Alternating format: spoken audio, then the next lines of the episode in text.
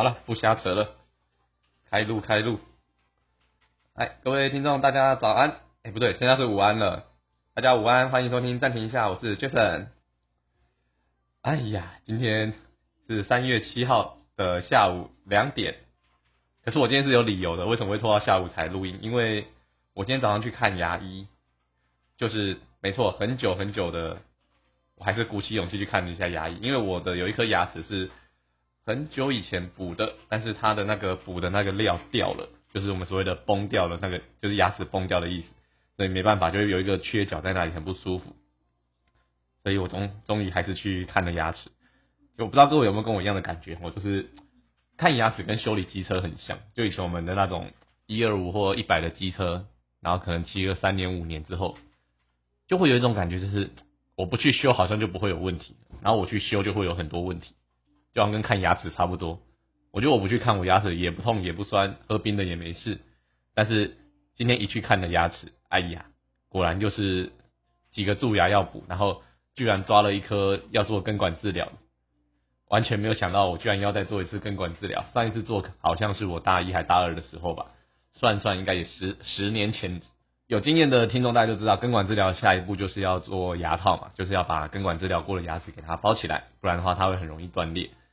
所以牙套其实就是一笔不小的开销。然后我今天听跟牙医那边稍微了解了一下之后，发现哇，现在的牙齿补料的那些费用其实蛮惊人的。因为当时我在一样是台南，一样是在台南，我做的时候，我的牙套做六千还是八千块，已经是算当时比较不错的。因为当时有四千的，有六千的，甚至有到一万二的。但现在基本的一颗就要一万一、一万二起跳，那你再升一个等级，大概就是一万五、一万六了。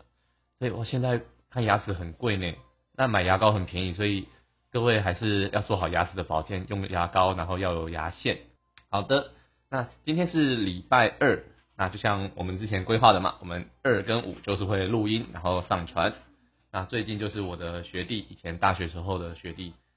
他在台南工作一阵子啦，那有在打球队，就刚好问我说，哎，我们礼拜天的比赛有缺人，哥学长有没有兴趣来运动一下？我说哦好啊也不错也不错，好久没有打球了，好险我们以前手背的练习相对扎实很多，小小的上场打了一下比赛，哦好险没有失误。好的，那再来呢，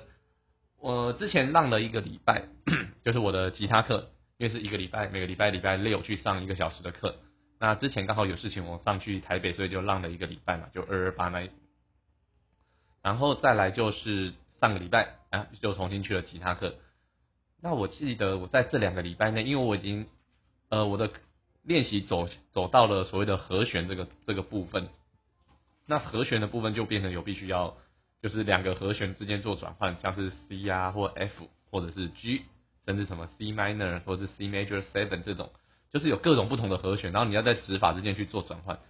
天哪，我这两个礼拜在练这个，练到有点怀疑人生，因为我觉得我原本以为对节拍是我最大的罩门。可能我节拍对的没有那么顺，但后来我发现不对，和弦的转换光是加了这么一件事情，原本只是右手拨一根弦，然后去对着节拍，其实越做越上手。但是加入了左手的和弦之后，我发现好困难哦。首先和弦一开始可以先不用背，因为弹的就会蛮熟的，然后就会看着那个什么课本上面就会有图示嘛，然后就想，嗯，好像还可以啦，就照着弹，但是才发现第一个压不紧。第二个手会酸，第三个手指会痛，然后再来就是转换非常的不顺，然后我就觉得天哪，这两个礼拜练到超级挫折，就是怎么会怎么会和弦这么难练？我以为说糟糕，难道我这是天资驽钝吗？没有没有没有这个潜力去学吉他就对，然后就在礼拜六的时候就去上课嘛，那老师当然就会先看一下你现在的状况，就说哎，你这礼拜这两个礼拜自己做了哪一些练习啊？我说哦，我大概节拍练习会每天做，然后基本指法也会做一下，然后找哆来咪发嗦这个我也会做。练到比较无聊的时候，我就会开始去练歌曲，会开始去一边练一边稍微嘴巴唱一唱。我觉得哎都没有问题啊。殊不知加入了和弦之后，问题就来了。加入了和弦之后，原本的左手其实就是一次看一根手指要压哪一个音，现在发现不是，一次要出三根手指头去压三条弦，然后还要去想说，哎，下一个和弦我的手指要怎么跑？天哪！我突然觉得我遇到了莫大的障碍，经过老师稍微调整一下，然后改用食指去刷那个弦跟刷那个和弦的时候，哎，真的好很多，然后声音听起来就特别的清脆，特别的悦耳。然后老师就说，OK，那对节拍也没有问题了嘛，练习也一次就过了。然后呃，找哆来咪也找得出来了，然后再来就是，哎，我想一下还做了哪些练习？哦，没有诶，那天异常的顺利诶，那天前三十分钟就是做把目前会的东西复习一下，然后我们就马上进入了我的，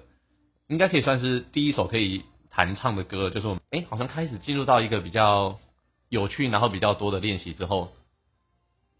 我从礼拜天，因为礼拜天去打球了，然后礼拜一嘛，就昨天到今天早上，因为看牙医，所以看牙医前我就没有进办公室录音了。哦，我就在玩这个 T 一二一二三 T 一二三这种，然后越玩越上瘾，结果就不小心没有去做和弦的练习，所以这个不应该，还是要还是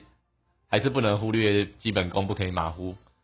好，那吉他的部分，我觉得开始进入有趣的阶段了，而且我觉得如果可以一边弹一边唱的话。之后在好像会去学那个，就是我们所谓的刷法，就是，哎，我不太怎么讲，不知道怎么讲这个专有名词，但是我们老师给了我一颗那个皮克，叫做 pick，就是一个有一点类似三角形的拨片呢，然后用拨片刷出来的声音非常的响亮，然后我第一个想法，我跟老师说，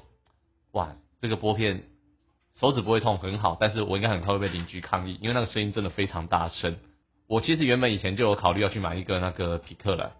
其实，在上个周末，我大概就做了这两件我印象深刻的事情啊，就是我去打球了，然后久违的打球了，然后我吉他练习，我觉得我进到了另外一个程度的练习，开始觉得有趣了，开始可以，如果说歌的部分这样子渐渐的练起来也顺手的话，搞不好就可以去挑战更多不同的歌曲。就是整个进度来说，我个人也算是挺满意的。那也期待说未来有机会，哎，可以弹给各位听众来听听看，好吗？好，好，再来我看一下，今天其实看到有一个，我其实看到了三个新闻，但是第一个就是蛋价涨价跟缺蛋，但这个大概大家已经都知道，而且我觉得没什么好讲的，因为缺蛋的议题，这从今年以来就一直有缺蛋的议题，那只是最近因为有禽流感的关系，造成说这个议题蔓延到全球，然后好像相对的比较严重。所以那个我觉得我就不多做琢磨了，那就直接分享一个我觉得今天我看了比较有趣的新闻。各位不知道有没有有没有听过一个名词叫做通货膨胀？这个应该大家都听过嘛，就是你的金额的购买力会越来越低。那今天我看到这个新闻呢，它的名词叫做头衔膨胀，什么意思呢？来，我把那个标题念给各位听。来，名片掏出来，职称都是副总。总裁、财务长，头衔膨胀的趋势里面，其中一段说，伦敦大学的教授去观察发现，二十三岁以上的美国上班族的名片几乎都印上执行副总裁的职称。那他很有意思，他就讲说，就像通货膨胀会越来越严重一样，头衔膨胀也有如也有这样子的趋势。那自二零一九年以来，在科技工作，就是我们科技业的方面。呃，我们的首席雇主使用的频率上升了三倍，然后主要也上升，就是主要这个抬头，像是我们的什么呃主要工程师 main engineer 这种的，这种感觉也上升了百分之五十七 percent。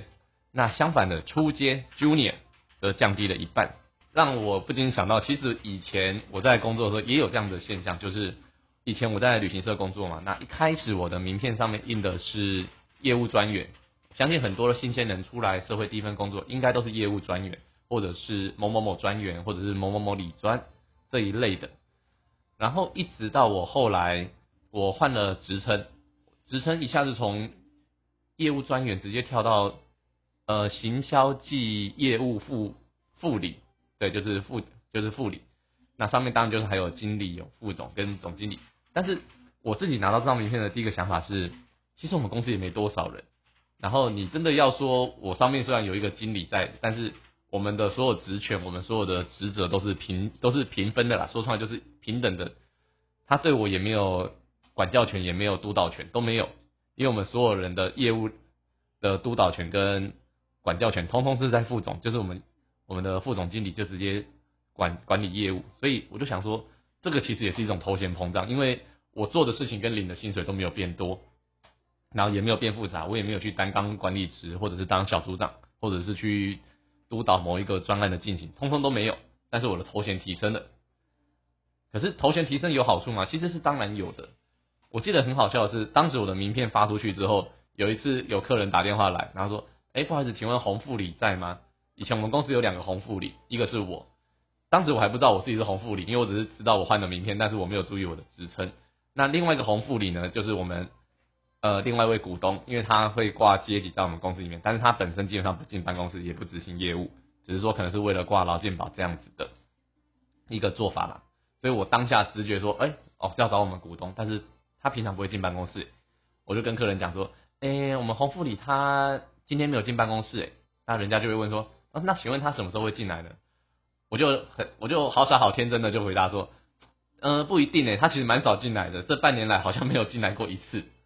然后对，然后对方就笑笑说：“你们公司这么幸福，我可以不用进办公室。”我说：“啊，没有啦，没有啦，他身份比较特殊一点。殊不知我们所有人在我们两个人在聊的这个红副理，其实就是我本人，但是我自己不知道我是副理。尽管闹出过一点点笑话，但是我不得不说，有这样的头衔，在你自己再出去在商谈一些 case，或者是在跟人家对接事情的时候，好像有稍微比较受到尊重。比起以前只是挂一个业务专员，人家会觉得说啊，你只是专员而已。”说不定可能过个几个礼拜、几个月你就离职了，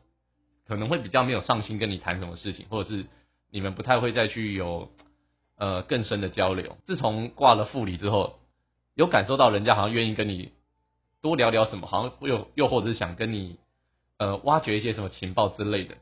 或多或少啦。所以我在想，头衔膨胀这件事情，也是因应到现在的社会有太多的 title，然后为了在我们在商谈上有一个平等的关，有一个平等的关系也好，或者是。有一个我们对等的聊天的频率也好，会渐渐的有这个状况在，所以我看到之后我就觉得，嗯，好，我有类似的经验，我也觉得还蛮有趣的，就挑出来跟各位分享看看。那这个新闻呢，我到时候会放在我们的资讯栏里面，如果各位有兴趣的话，可以点进去看一下哦。